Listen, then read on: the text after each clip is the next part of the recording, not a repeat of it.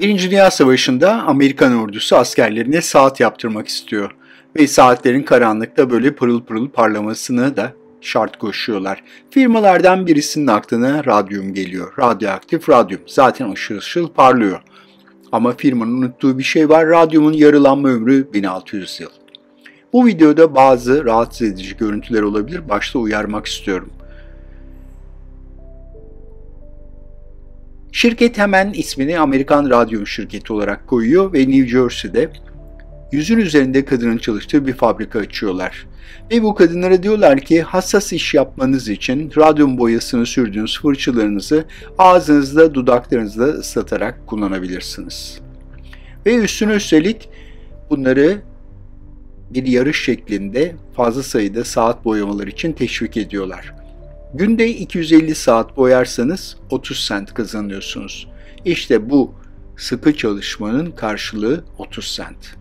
Tabii ki ortalığa uzun dönemde sessiz ölüm olarak adlandırılan radyasyon hastalığı ortaya çıkıyor. Bu radyoaktif madde radyum birikerek başta kemik iliğini yok ediyor, işler karışıyor, kansızlık ve enfeksiyona karşı beyaz küre hücrelerinin azalması, diş dökülmeleri, tümörler ve organ yetmezliği ortaya çıkıyor.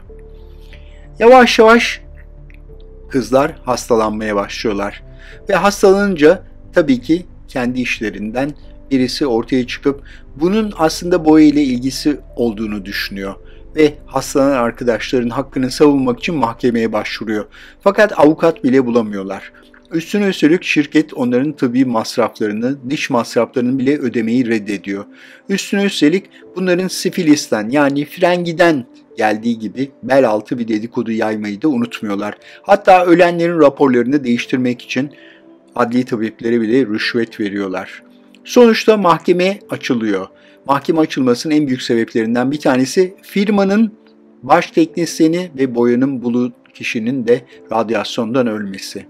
Ve üstüne üstelik bu iş gazetelere yansıyor. Gazetelerde bakın bu radyum çenesi veya radyasyon çenesi denilen çenede ortaya çıkmış bir tümör. Üstüne üstelik gazeteye yansıyan fotoğraflar mahkemeye çıkamayacak durumda, yemin etmek için ellerini kaldıramayacak durumda olan hastalar ortaya çıkınca firma anlaşıyor. Ömür boyu tüm tıbbi masraflarını üstleniyorlar. 150 bin dolar para veriyorlar, yıllık 8900 dolar maaş, haftalık 200 dolar ikramiye.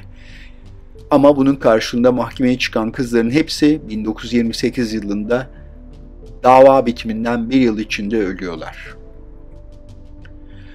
Peki bundan ortaya ne çıkıyor? Bir kere her şeyden evvel işçi sağlığı, işçi güvenliği ve meslek hastalığı ve radyoaktif maddelerin tehlikeleri gündeme geliyor ve süratle bununla ilgili yasalar ortaya çıkıyor. Yani radyum kızları boşuna ölmemiş oluyor. 1968'e kadar radyum düşük oranda saatlerde kullanılıyor. Günümüzde ünlü firmalar kendilerine farklı radyolüsen maddeler kullanıyorlar. Radyum bunun haricinde saçları parlatmak için, dişleri parlatmak için, cildi parlatmak için kullanılıyor. Ama en kötüsü de radyoton denilen bu radyoaktif su. Her işe yarıyor. Tamamıyla palavra kovboyların iksirlerinden bir tanesi. Ve Eden Byers adlı bir golfçu var. Hem de şampiyon hem Harvardlı, parlak, yakışıklı, çapkın bir adam. Ve Özellikle vücudunu korumak için bu radyotomdan günde 2-3 kez içiyor. Ve sonuç 7-8 operasyondan sonra alt çenesini tamamıyla kaybediyor ve bu fotoğraf çekildikten kısa bir süre sonra ölüyor. 2017 yılında kitabı çıkıyor, 2018 yılında filmi yapılıyor. İşte size böyle zehirli radyoaktif bir öykü. Dinlediğiniz için teşekkürler. Görüşmek üzere, hoşçakalın.